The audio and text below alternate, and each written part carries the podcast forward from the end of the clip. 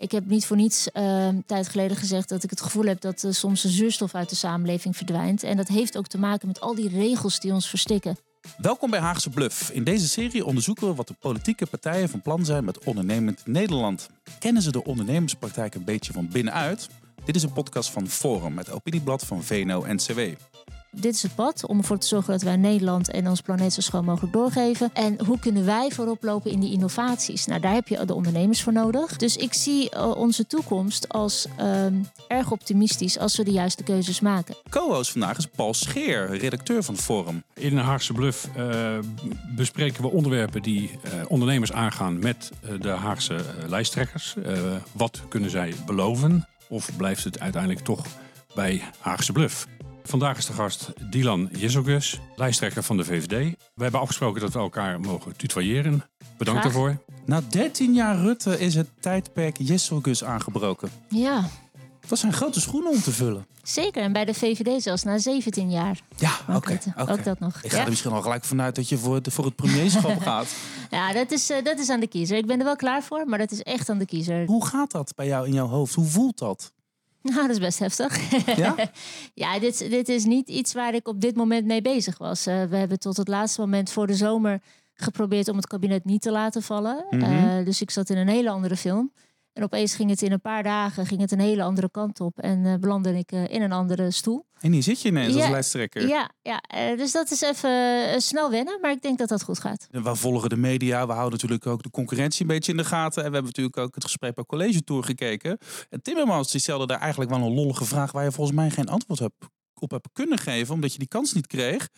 Of de oppositie iets voor jullie zou zijn. Nou, eh, ik, ik kreeg inderdaad de kans niet om te reageren. Dus dank je wel dat ik het hier wel eh, krijg. Eh, ik zal dit doorsturen naar Twan Huis.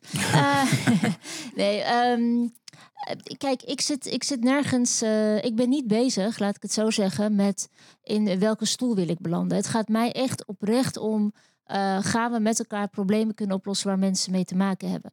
En eh, dat, dat moet in een coalitieverband. En we zullen straks zien of wij aan een tafel zitten, ja of nee. Het zou heel mooi zijn als het wel zo is, want we zijn klaar om weer die verantwoordelijkheid te pakken. Ehm, maar dat kan ook vanuit een andere plek. Dus ik ben, eh, ik ben veel minder op die manier ermee bezig en dan misschien de heer Timmermans. En veel meer bezig met wat zijn de problemen die ik moet oplossen. En dat kan vanuit verschillende rollen. En natuurlijk heb je het meest te zeggen als je in een coalitie zit. En ook nog eens als je de grootste zou zijn. Dus het is duidelijk dat we ervoor gaan. Maar de kiezer is aan zet. We gaan het daar natuurlijk over hebben. Hè. We gaan er straks praten over de VVD als ondernemerspartij. Yes. We gaan ook eh, jou uitnodigen om te kijken van... Hey, hoe ziet die wereld van de toekomst er eigenlijk uit? Een beetje visie willen we horen. En we eindigen deze podcast met het thema veiligheid. Een thuiswedstrijd voor jou. Maar we ontkomen er niet aan. Je gaat eerst even langs de ondernemersmeetlat. Ja, ik eh, leg jou vier vragen voor om een indruk te krijgen van eh, jou, jou- jouw eigen ondernemingsgeest. Eh, graag snel en beknopt antwoorden. Oh En, eventuele toelichting kan achteraf, dan wel schriftelijk. Vraag 1. Hoe ondernemend ben je zelf? Zeer. Kan je dat iets meer eh, toelichten? Het is heel het kort. Het is heel kort, heel kort. Ehm, eh, eh, ik zie ondernemend zijn als ehm, risico's durven nemen, lef tonen, naar voren stappen, verantwoordelijkheid pakken, op zoek zijn naar vooruitgang. En ik- denk dat ik ook zo in het leven sta. Dat is ook hoe ik mijn leven inricht en zeker ook hoe ik mijn werk inricht. Dus als je het op die manier, dan denk ik dat ik echt wel wat van een ondernemingszin, ondernemingsgeest eh, in mij heb. Aan welke ondernemer zouden andere ondernemers een voorbeeld kunnen nemen? Ik heb een mooi voorbeeld in jullie blad gelezen. Oh, Van mooi. een eh, mevrouw, eh, als ik me niet vergis, heet ze Astrid. Ik dacht Delhuizen uit Deventer, een slager. Eh, in het blad Forum. En ehm, eh, zij liet zien, zij vertelde, ze, heeft, ze is een slager, ze heeft een winkel en verkoopt ze gewoon haar producten. En ondertussen geeft ze ook ehm, eh, ouderen die, eh, die, die zelfstandig wonen, maar wat extra aandacht nodig kunnen hebben, maar ook gewoon zin hebben in een plakje worst.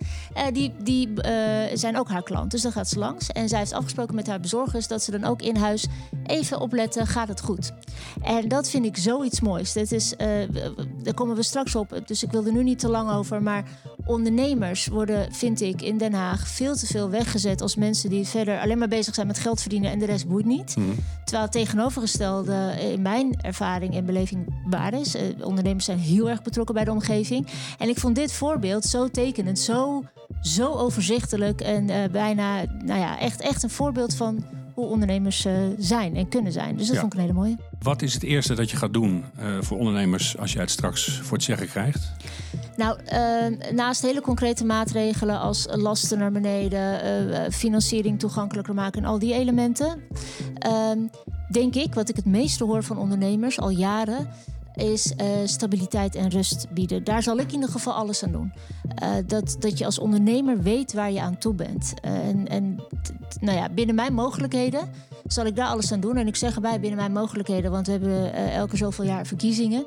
Eh, en dan eh, kan het zijn dat steeds beleid over de kop gaat. Maar ik hoop echt dat we daar brede coalitie met wie dan ook in de Kamer kunnen hebben. Doe dat ondernemers nou niet aan.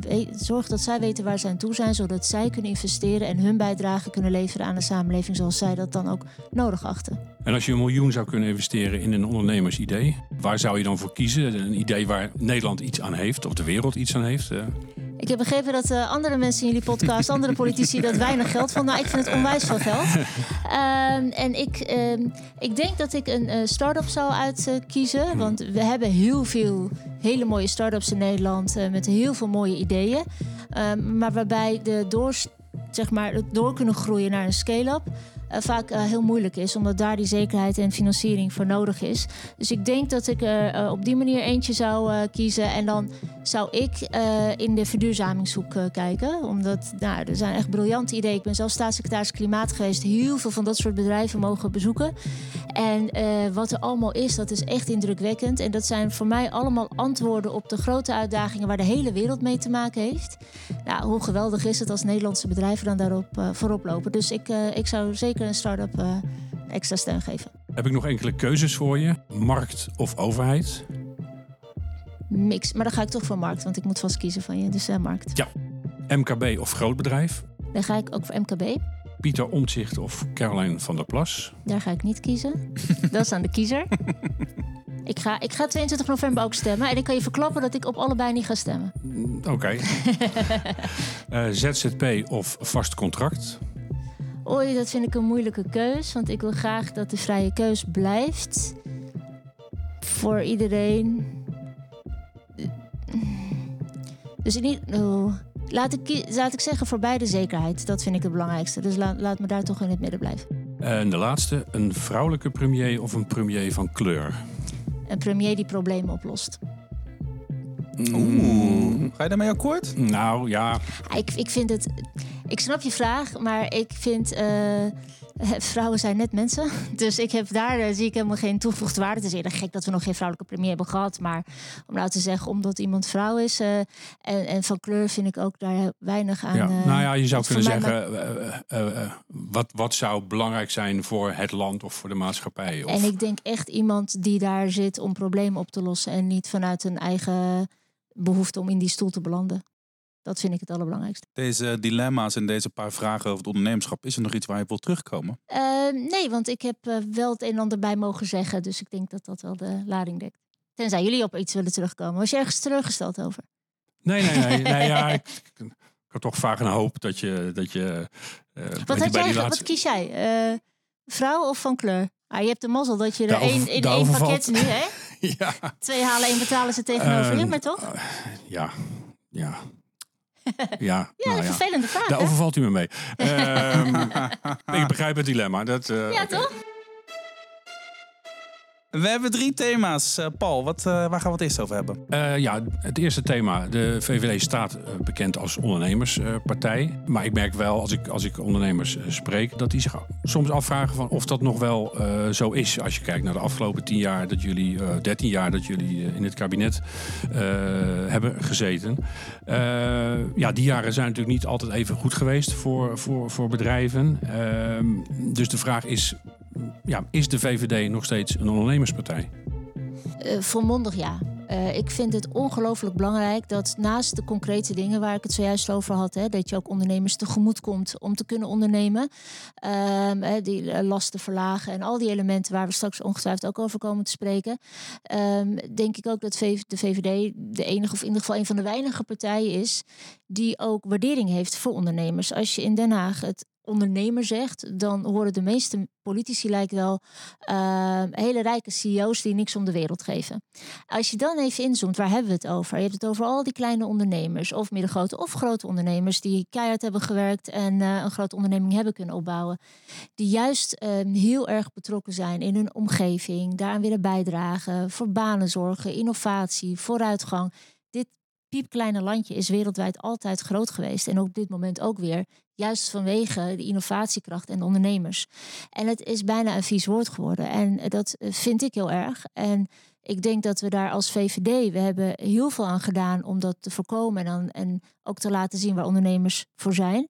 Uh, en op sommige momenten hadden we dat misschien nog veel beter kunnen doen. Dus ik wil daar ons helemaal niet uh, op, op helemaal vrij spreken. Waar, waar hebben jullie stekjes laten liggen? Of waar denk je achteraf, oeh, daar Nou, weet je, kijk, afgelopen jaren uh, hebben we heel veel geïnvesteerd in het naar beneden brengen van de lasten voor werkenden, voor mm -hmm. gezinnen. Uh, en de lasten voor ondernemers zijn wel stap voor stap gestegen. En uh, ik denk dat we dat goed kunnen uitleggen. En ergens moet je het geld vandaan halen. Maar op een gegeven moment houdt het ook op. Dat, dat, hoor je ook vaak. Hè? De ondernemers zijn geen pinautomaat. Het is, laat ik zeggen, om een reden een bekend gezegde. Want het begint daar wel erg op te lijken. Op een gegeven moment houdt het op. En op een gegeven moment moet je ook heel erg alert zijn op... ben je nou nog bezig? Kijk, het geld moet ook wel verdiend kunnen worden. Willen we er daarna ook weer kunnen verdelen en met elkaar van profiteren. Wat ons land rijk maakt, is juist dat we die balans vasthouden. En als je daarop doorslaat, dan gaat het echt mis. Dat zijn die lasten hebben. Paul, wat zijn nog meer thema's waarvan jij weet van ja, maar daar, daar zijn ze het echt een beetje zat aan. Maar denken ze van nou, nou ja, dan, goed, moet, dat... dan moet uh, Jeziel eventjes ja, ja, ja. Uh, wat hartjes gaan uh, terugwinnen. Het vestigingsklimaat is ook al een jaar ja. een, een, een, een, discussiepunt. Ja, ondernemers hebben toch het idee dat het vestigingsklimaat zo langzamerhand toch een beetje aan het, aan het verslechteren is. Uh, en ja, dat, daar heeft een, uh, een coalitie natuurlijk ook, uh, een kabinet ook een rol in. Vestigingsklimaat, ja, dat, dat klinkt als een ambtelijk woord. Ik denk dat ondernemers heel goed beseffen wat het is. misschien buiten die gemeenschap en de Haagse bubbel veel minder. Maar uiteindelijk is dat blijven wij interessant genoeg ook voor ondernemers om hier te blijven. Kijk, als het gaat bijvoorbeeld over de klimaat, uh, CO2-uitstoot. Ik ben jaarlang woordvoerder geweest, ik ben staatssecretaris geweest. Ik kan zorgen dat het morgen, dat de CO2-uitstoot in Nederland bijna weg is. Als je al die bedrijven het land uitgooit, uh, dan heb je dat bereikt. Is dat hoe je het wil? Ik bedoel, dat is natuurlijk onzin. Je moet zorgvuldig zijn, zorgen dat die bedrijven hier hun uitstoot kunnen verminderen, dat ze de banen hier houden, dat ze hier kunnen innoveren, dat ze met, dat, met die innovaties wereldwijd uh, uh, koploper kunnen zijn. Dan ben je uh, bezig. En dat is wat vestigingsbeleid betekent. Dat het ook interessant is om hier te blijven, omdat we uh, dat ook beseffen dat we die mensen ook hier nodig hebben, die ondernemingen. Dat is echt een hele belangrijke. Nou stip je natuurlijk wel een interessant thema aan als het gaat over klimaatbeleid. Want uh, als je dat koppelt aan de thema's uh, stabiliteit en rust, waar je het net ja. over had. Hè? Als het gaat over het klimaat, dan komt er nog wat op ondernemers af. er wordt in Brussel natuurlijk van alles bedacht. Hier in Nederland wordt van alles bedacht. Er zijn eisen voor stikstof, CO2, circulariteit. Iedereen moet van alles. Uh, dat is niet bepaald stabiliteit en rust. Dat is, dat, is, dat is eigenlijk meer, er komt van alles op ons af. We moeten er van alles mee. Hoe gaan we dat doen? Nou, kijk, ik, um, ik ben een van de ondertekenaars persoonlijk van de Klimaatwet. Mm -hmm. um, en waarom was ik daar erg, ben ik daar nog steeds erg voorstander van? Dat is met name omdat ondernemers zeiden tegen ons, tegen de VVD. Kom dan met een lange termijn, met een doel en veranker het in de wet, zodat ik weet waar ik aan toe ben, zodat ik mijn investering en beweging daarop kan aansluiten. En zorg ook dat je op Europees niveau dit ook communiceert, want ik wil heel graag daaraan meedoen. Maar wil je mij niet, wil ik mezelf niet uit de markt uh, totaal beprijzen of mm -hmm. uh, opzij laten duwen, dan heb ik nodig dat iedereen achter hetzelfde doel moet staan. Dat is een hele belangrijke wat de overheid kan doen. Zorgen dat je daar oog voor hebt. Zorgen dat je dan vervolgens bedrijven helpt om hier te uh, vergroenen. Die, die hele actieve groene industriepolitiek, die is zo belangrijk voor een land als Nederland. En als je altijd bedrijfsleven die producten maken waar we allemaal elke dag massaal gebruik van maken. Hè. Het is niet we zijn zelf de klanten ervan. Als je die continu wegzet als de boeman en die alleen maar meer doelen, meer eh, kosten, meer beprijzen, zonder op te letten van wat gebeurt daar, ja, dan, eh, dan eindig je die transitie aan het einde ervan als, als een land waarbij alle, alle denkkracht en innovatie weg is. En andere landen daarmee hun geld aan het verdienen zijn en bijdragen. En wij hier een beetje met uh, geitenwolle sokken thuis zitten. Maar- dat is niet de bedoeling. Maar wat zegt dus? Je zegt eigenlijk een beetje van ja, ik ben zelf mede ondertekenaar geweest. Het is misschien niet altijd prettig nieuws. We verwachten en verlangen en eisen een heleboel van jullie. Maar ik, ik hoop wel dat het een helder verhaal is. Het is wel duidelijk verhaal. Maar wat kun je dan ook nog doen om die mensen te helpen die zeggen van joh, maar hoe dan? Eh, dat kost geld, investeringen. ja. Hoe, hoe ga je die mensen helpen dan? Nou ja, eh, en wat je ziet is dat ondernemers ook echt wel graag willen. Hè. Die hebben op zich de overheid niet nodig om te vertellen dat klimaat een belangrijk onderwerp is. En dat het belangrijk is om de planeet schoon door te geven. Ondernemers weten dat heel goed, dragen bij hoe ze kunnen en hebben extra hulp nodig. Denk aan kleine ondernemers ehm, die wij helpen met een verduurzamingsfonds. Hè, dat zijn ondernemers die graag ook hun eigen bedrijf, pand, onderneming willen verduurzamen. Dat geld misschien daar niet hebben liggen. Eh, daar kan je ze bij helpen. Kan ook hen weer helpen in de rekeningen en, en nou, noem maar op. Dat is een voorbeeld. Eh, voor grotere bedrijven hebben we ook het Europees stelsel ETS, waarbij je weet hè, de uitstoot, de rechten kan je kopen en dat wordt elk jaar minder. Dus iedereen weet, ik moet vergroenen en ik moet eh, verduurzamen. Dat zorgt ervoor dat je een gelijk speelveld hebt Mhm. en dat dat dan werkt. Ehm, dit, zijn, dit zijn maar twee voorbeelden, maar er zijn heel veel stappen die je daarin kunt zetten. Die fossiele subsidies waar iedereen het over heeft. Ik ben ook voor zo snel mogelijk afschaffen. Maar als je dan inzoomt, wat zijn dat dan voor subsidies? Waar gaat het over? Dan zie je dat een heleboel er ook bijdragen aan het verminderen van de CO2-uitstoot. Waarbij bedrijven daarbij ook de kans hebben om te innoveren, om te zorgen dat ze dat straks zonder die subsidies kunnen. Dus je moet wel intelligent naar die dingen kunnen kijken en het niet plat slaan en doen alsof de boeman daar is en die is tegen de rest van de wereld en daar moeten we tegenop boksen. Eh, Als minister van Veiligheid, eh, Justitie en Veiligheid kan ik vertellen dat de boeman een hele andere is.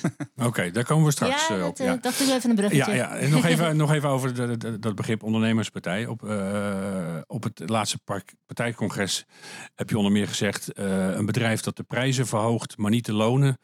krijgt met mij te maken, eh, op een dreigende toon. Ehm, eh, dat klinkt een beetje van, ja, bedrijven moeten niet denken dat ze alles kunnen maken. Maar ik kan me bijvoorbeeld voorstellen dat een bedrijf zich gedwongen voelt om de prijzen te verhogen. En niet de middelen heeft om ook dan de lonen te verhogen. Ja. Hoe moet ik Een hele, dat hele verre vraag. En ik ben blij dat ik die. Eh, want eh, die is in een context. eh, die is, als je kijkt bijvoorbeeld naar corona, waarbij heel veel bedrijven het heel zwaar hadden. Die we zoveel mogelijk met elkaar hebben geprobeerd te helpen. Maar er ook bedrijven waren die enorme winsten maakten. Ehm, en daarvan weer een, een categorie bedrijven dat ook echt achterbleef bij. Oké, om zich heen kijkend wat gebeurt. En als ik zoveel winsten maak, door, mede door een ellendige oorzaak, kan ik dan eh, niet iets terug doen? Kan ik niet iets meer bieden? Dus het gaat over dat soort contexten. Ik had laatst een gesprek met, een, eh, met ehm, eh, iemand die in een start-up bezig is. Die zit nu op tien werknemers, dus Mhm. het is aan het groeien. En die, en die zei, ehm houd toch op als politiek om te doen alsof ik aan, aan niks zou willen bijdragen. Ik kijk uit naar de dag dat ik misschien wel een miljoen belasting moet betalen. Top toch, weet je wel? Vanuit het idee. Hmm. Hij zei letterlijk, mensen willen rennen, maar laat ze ook rennen. En dat is eigenlijk het ding. Dat je degene die het allemaal goed bedoelen en goed bezig zijn, waardeert. En ook stimuleert. En degene die toch hè, eh, op een andere manier het doen, en daar ging die zin over, dat je die ook aanspreekt van luister, een samenleving betekent uiteindelijk wel van twee kanten dit. Dit moet altijd van twee kanten. Ja, dus wel rennen, maar niet de kantjes ervan aflopen. Dat, Nee, eh, nee ja. die verantwoordelijkheid dragen voor je eigen mensen, voor je omgeving. Dat is iets eh, wat we van onszelf vragen, van onze buren vragen, dus ook van de ondernemers vragen. En eh, mijn ervaring is dat de meeste ondernemers, daar hoef je het niet aan te vragen, die willen het graag, maar die willen die ademruimte van de overheid om dat dan te kunnen doen. Ja, en degene die daar dan toch lak aan hebben, dat je die wel aanspreekt. En ik denk dat we dat als VVD zijnde in het verleden te weinig dat onderscheid ook hebben gecommuniceerd. Eh, dus de politiek dat ook eh, te eenzijdig heeft aangevlogen. Dus vandaar dat ik nu wel van plan was om dat onderscheid toch wat strakker aan te geven. Als je, als je het hebt over eh, de druk op ondernemers, we hebben dus al die klimaatmaatregelen, zijn eigenlijk twee eh, opsommingen die eigenlijk in elk gesprek terugkomen. Eh, De ene, de ene opsomming ging over die klim- klimaatmaatregelen, waarvan jij net zei, ja, daar kan ik op zijn minst, in het slechtste geval, kan ik daar duidelijkheid geven en een soort uh, level playing field creëren. Die andere opsomming die gaat over de economisch zware tijden waarin we in leven. Krapte op de arbeidsmarkt. Minimumloon moet omhoog, ook volgens uh, jullie. Minder flex, meer vast. Allemaal van die duimschroeven links en rechts die aan worden gedraaid. Waarvan heel veel ondernemers denken van... Uh, alsof het allemaal nog niet genoeg was, weet je wel? En ik denk dat hier ook een beetje dat sentiment vandaan komt van... hé, maar kom op VVD, uh, jullie waren toch onze vriendjes? ja. Maar, uh, ja, nou ja, we zitten inderdaad in een, in een tijd van, van schaarste. Van, van heel veel zaken. En de meeste ondernemers die, die, die ik spreek, die hebben het inderdaad ook vooral over de mensen die ze niet meer kunnen vinden. Dat is dat maakt natuurlijk ook dat je onderneming niet vooruit kan. Ik, restaurants die meer dagen in de week dicht moeten omdat ze de mensen niet hebben, nou noem maar op. Um, en ik denk dat we daarin um, uh, veel zorgvuldiger ook naar de ondernemers moeten luisteren. Wat heb jij dan nodig om dat wel goed te kunnen doen? En dan gaat het ook over de lasten verlagen, zorgen richting de werknemers dat zij meer geld overhouden als ze gaan werken.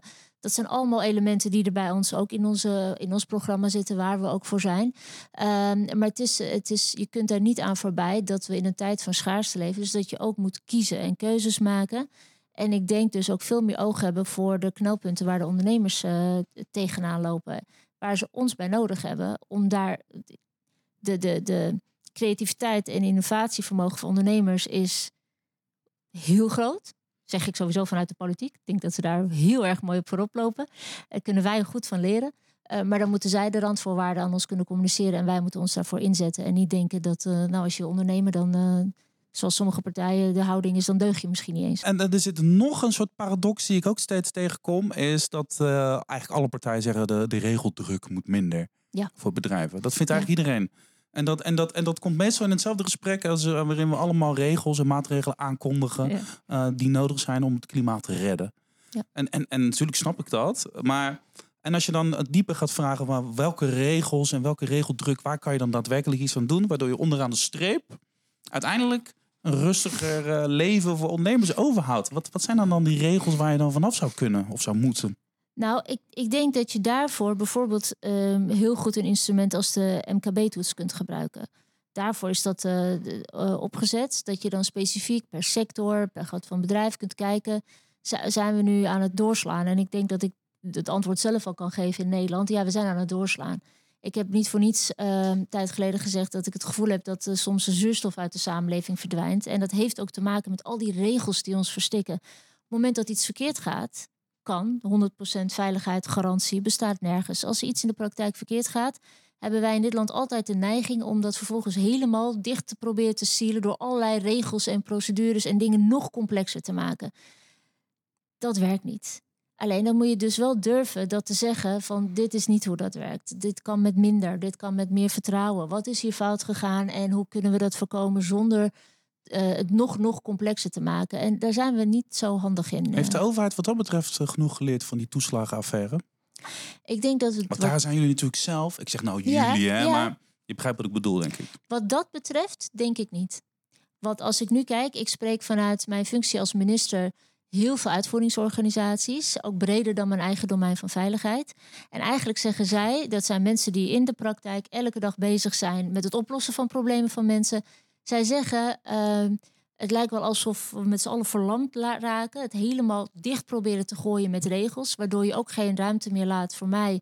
Uh, voor maatwerk, voor zelf proberen te bedenken. Wat heeft diegene nou nodig die tegenover mij zit? Omdat je me helemaal vastzet in protocollen. Oh, maar dat gaat een beetje over wat meer vertrouwen geven in de professionaliteit ja. en de handelsbekwaamheid ja. van ambtenaren zeker, bijvoorbeeld. Ja. Zeker.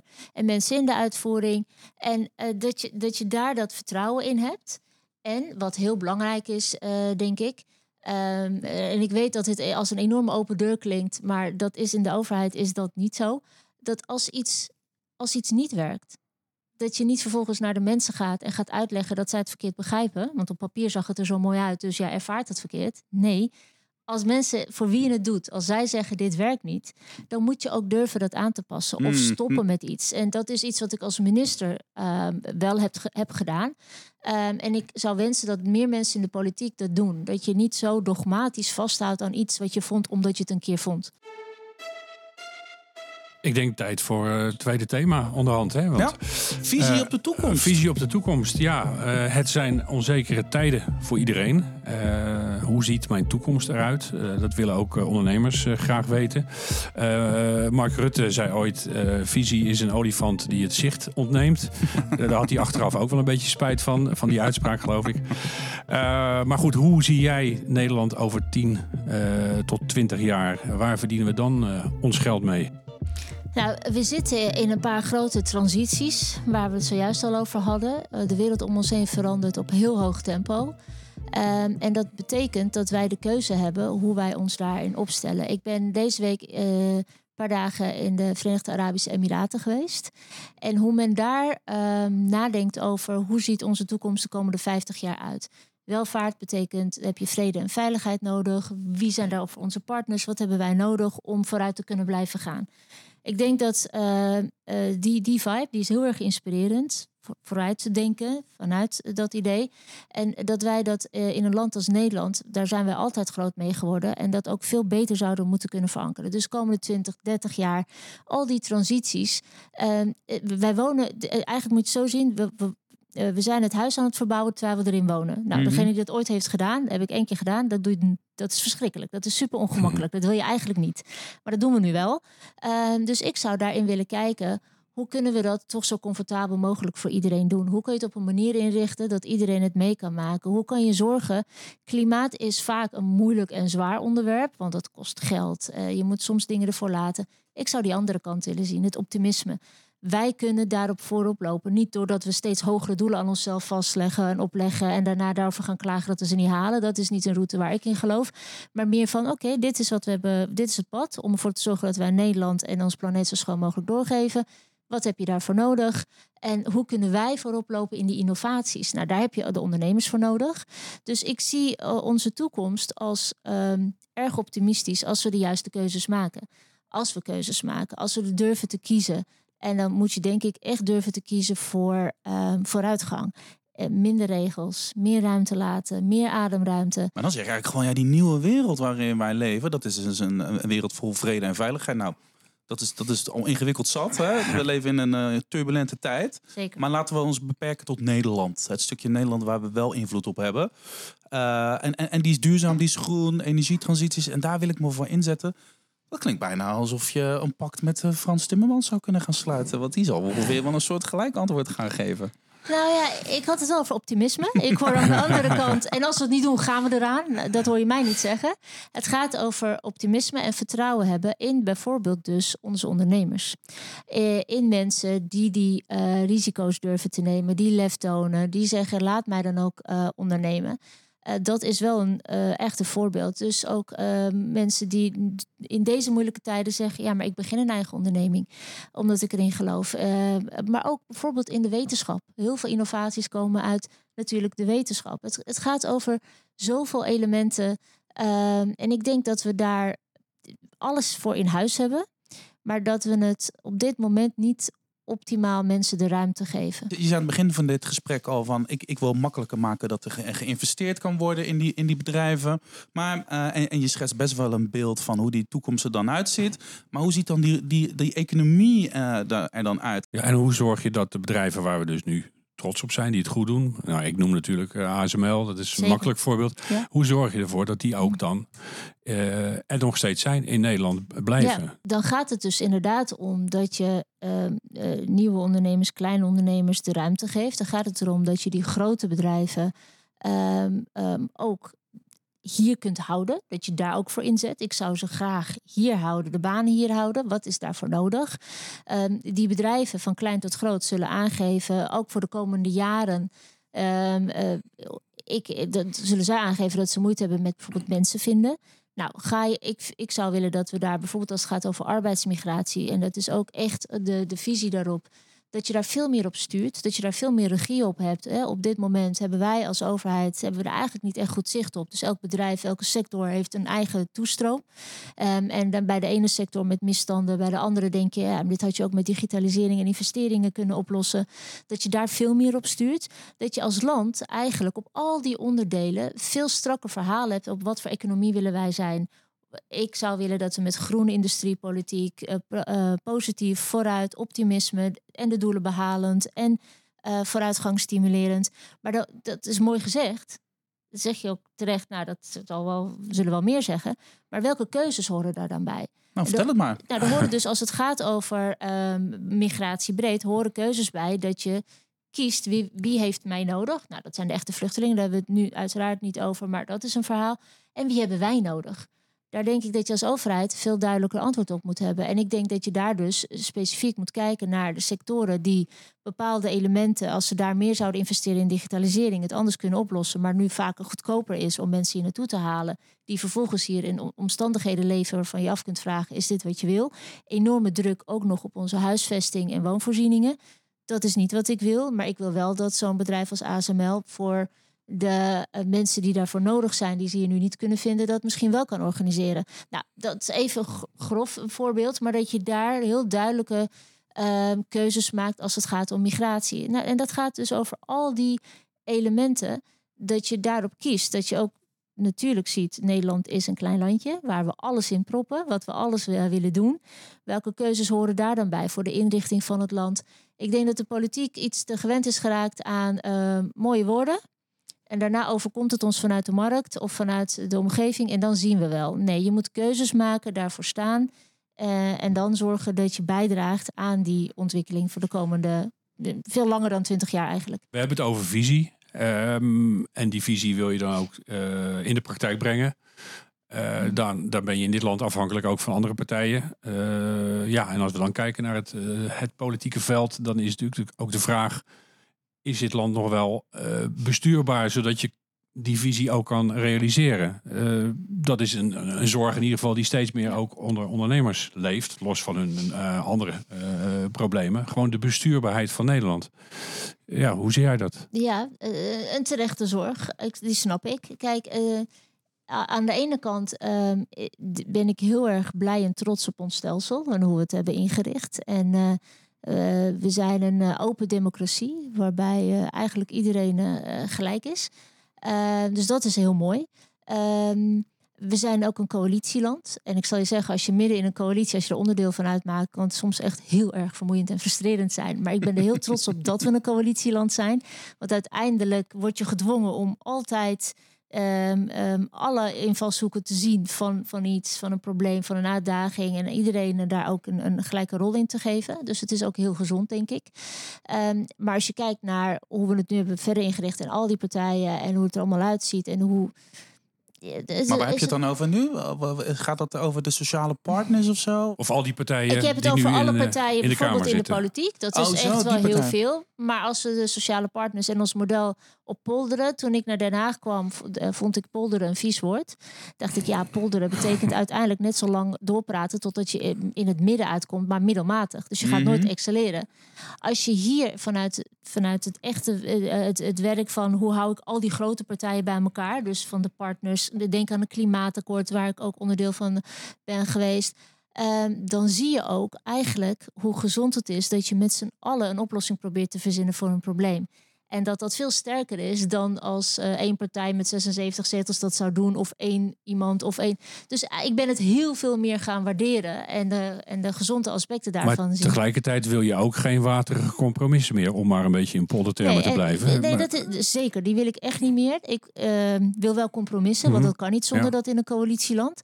Ehm, maar ik wil wel dat ze altijd gaan over oplossingen. En niet omdat wij toevallig hadden afgesproken. Wij moeten hier uitkomen. Want wij willen in deze stoelen ja, blijven Jij zitten. Een beetje, ik een dat beetje. is het ding, ja. ja. en, okay. en jij een beetje, ik een beetje, dat kan. Als het uiteindelijk opgeteld het verschil maakt voor degene mm. voor wie we het doen. Als het alleen maar het verschil maakt voor jou en mij dat wij samen door kunnen, dan is het dus niks waard. Ja. Zou jij misschien ook een type kunnen zijn die dan in de toekomst met een soort idee komt van jongens, we gaan het, we gaan het anders doen? Weet ik veel, zakenkabinet of zo, wat pragmatischer. Is dat iets waarvan je denkt van, of, of ben je daar eigenlijk helemaal niet mee bezig? Ik ben daar niet zo mee bezig. Ik ben wel heel pragmatisch. Ik weet wel heel goed voor wie ik wat doe. En ik vind dat dat leidend is. En dat is mijn vertaling van pragmatisch. Dus ik, uh, ik, ben, een, ik ben een liberaal. Ik heb duidelijke ideologieën, duidelijke beelden. Uh, maar het is pas wat waard als ik het verschil maak. Bijvoorbeeld nu vanuit mijn werk als minister van Justitie en Veiligheid. Ik doe heel veel voor de mensen die ons veilig houden. Ik wil dat zij met met wat ik doe, dat zij het verschil kunnen maken. Dus ik zal altijd bij de politieman ophalen en de politievrouw. Kan jij je werk nu beter doen door wat ik voor je probeer te doen? En als diegene zegt nee, dan moet ik terug en dan moet ik iets anders doen.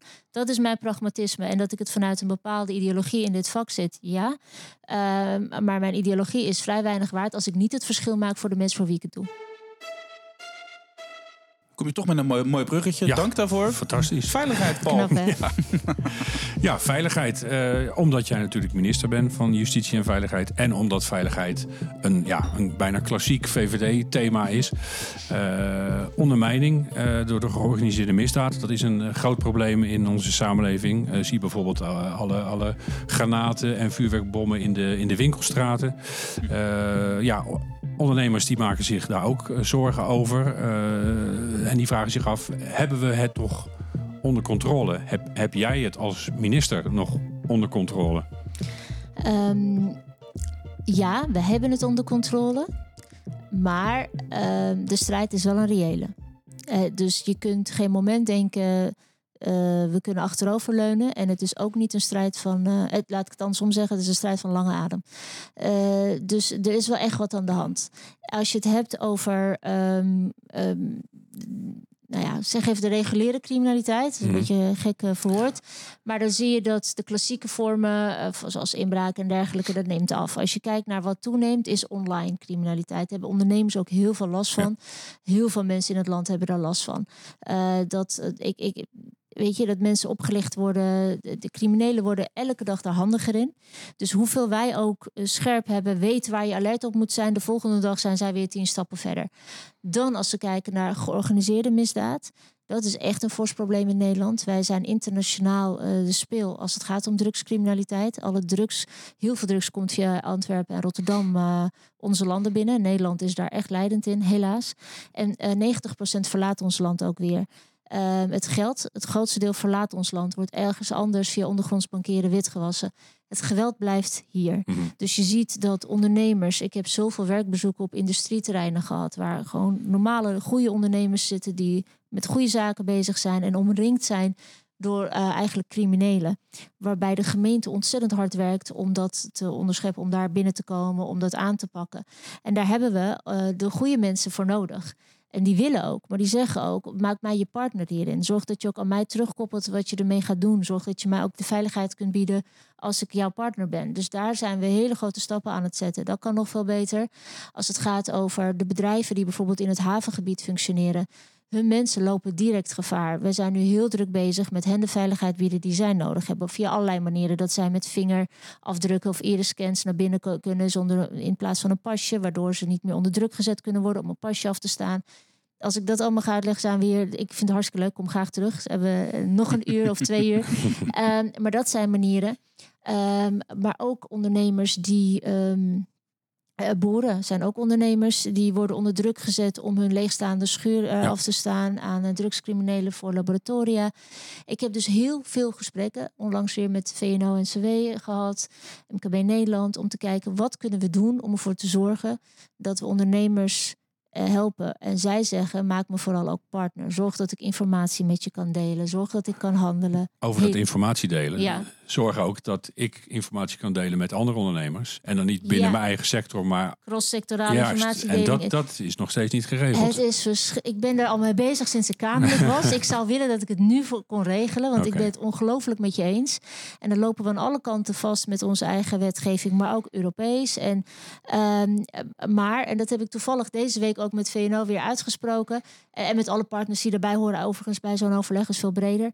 Gezegd, ehm, we gaan wel door totdat we het geregeld hebben. Maar wat Het is dat dan soms- het struikelblok? Is dat toch privacy? ja. Ja, Ja. e- even kort samengevat. Mhm. Het is complexer dan dat, maar uiteindelijk is dat het. We hebben op, met welk doel deel je welke Privacy gegevens? en, pro- en proportionaliteit. Dat Ja, zijn de twee en- thema's waar je heel tijd moet gaan zoeken. Van, En- ja. Kijk, voor mij is het, eh, dat zijn ongelooflijk belangrijke waarborgen. Mhm. Maar waar hebben wij het over? Over veiligheid. Over de Mhm. veiligheid van onze mensen.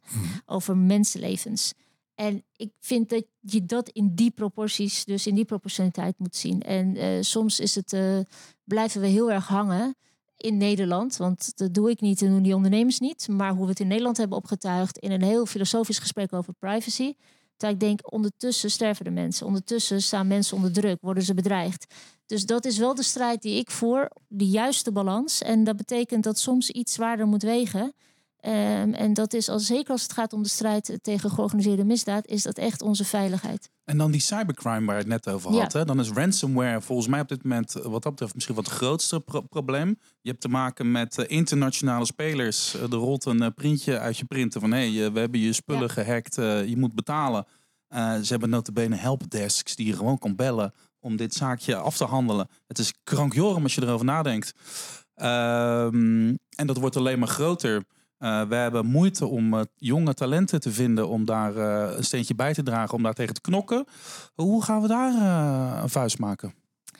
Die ehm, eh, heel belangrijk bij ransomware is dat we iedereen oproepen. Dus ik neem de gelegenheid weer: betaal niet.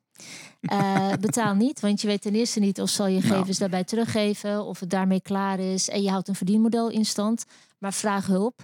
En nog liever aan de voorkant, wees heel erg zorgvuldig met hoe je zelf beveiligt. Want er zijn manieren om dit heel goed eh, dicht te zielen. En ik denk dat als je kijkt dat ondernemers, maar ook gemeenten, ziekenhuizen, dat hebben we al die voorbeelden gezien, daar hele grote stappen in zetten om toch aan de voorkant dat veel beter te sluiten. Een wachtwoord is welkom eh 2021 eh, ja, telt niet Ja, meer. Hè? Nee, dat is liever, Nee. liever van niet. Nee. Eh, maar ook dat we vanuit de overheid aanbieden dat bedrijven en sectoren eh, jaarlijks of vaker dan één keer per jaar kunnen oefenen. Hoe ga je er dan mee om? Want dit kan je allemaal lezen, je kunt het weten, maar het zal je maar overkomen. En je zal maar binnen zo'n korte tijd dan adequaat moeten reageren. Dat kan je eigenlijk pas echt goed als je hebt geoefend. En die oefeningen worden ook volop ingezet. Hm. Ehm, de- dat is waar ik als minister voor heb gestaan, maar waar ook de VVD vanuit de Kamer heel erg op heeft eh, gedrukt terecht. Ehm, dus dit, zijn, eh, dit is een aantal stappen. En uiteindelijk hebben we ook, en daar ben ik ook heel trots op natuurlijk, ehm, hier de beste koppen van de wereld, bijvoorbeeld bij onze recherche, die ook eh, heel erg voorop lopen in dit soort misdaad aanpakken. Maar de beste manier om het aan te pakken is te voorkomen. En daar moeten we elkaar in helpen. Ben je nog een nabrander, Paul? Of zullen we kijken of ze nog een leuke belofte voor Ik ons denk dat we, we, we hebben zoveel behandeld. Ik denk dat we voor de, voor de belofte moeten gaan. Ja. Eh, Wees je bluff graag. Ja, bluff en belofte zijn wel twee verschillende Ja, dingen. ja, dat is wel waar. Eh, Je mag, je mag bluffen in het doen van de belofte. op voorwaarde dat je de belofte waarmaakt. Ja, allemaal ingewikkeld, ingewikkeld. Ehm, dus ik ga, ik ga wel misschien een beetje lafjes, maar ik beloof dat ik bij jullie terugkom. Nou, ja, ik ben niet onder de indruk. maar ik ga geen niet. valse belofte doen eh, richting wie dan ook de kiezer straks dan zet. Alles wat in ons programma staat, daar zal ik mij voor inzetten. Mochten wij aan een tafel komen en compromissen moeten sluiten, want in een coalitie, dan kom ik hier graag uitleggen waarom dat stevige compromissen zijn. Eh, mocht ik op een andere stoel belanden, kom ik ook graag terug. Ehm, maar mijn belofte is, en dat is geen bluff, eh, het gaat over oplossen van problemen. Dat is wat we gaan doen. Dylan Jessugus, succes tijdens de campagne. Dank voor je komst. Dankjewel. Paul, Ja. Wat vond jij er nou eigenlijk van, Paul? Eh, ik moet het even allemaal laten Ja, bezinken. Want het Oké. was wel heel veel. even werken allemaal, Ja, hè? nee, maar ik vond het een leuk gesprek. eh, Het valt je sowieso. mee. Oké, Ja, ja. Dylan, als jij nou die andere gesprekken wil terugluisteren van nou ja, concurrentie. En misschien eh, steek je er wat van op. Misschien hoor je nog eens iets waar je wat mee kan. Waar, waar, waar, waar moet ze dan zijn, Paul? Eh, zij en ook anderen die kunnen eh, terecht bij hun favoriete podcast-app of eh, op de website www.opinieplatform.nl. Dank jullie wel. heel veel dank. Bedankt. Dankjewel.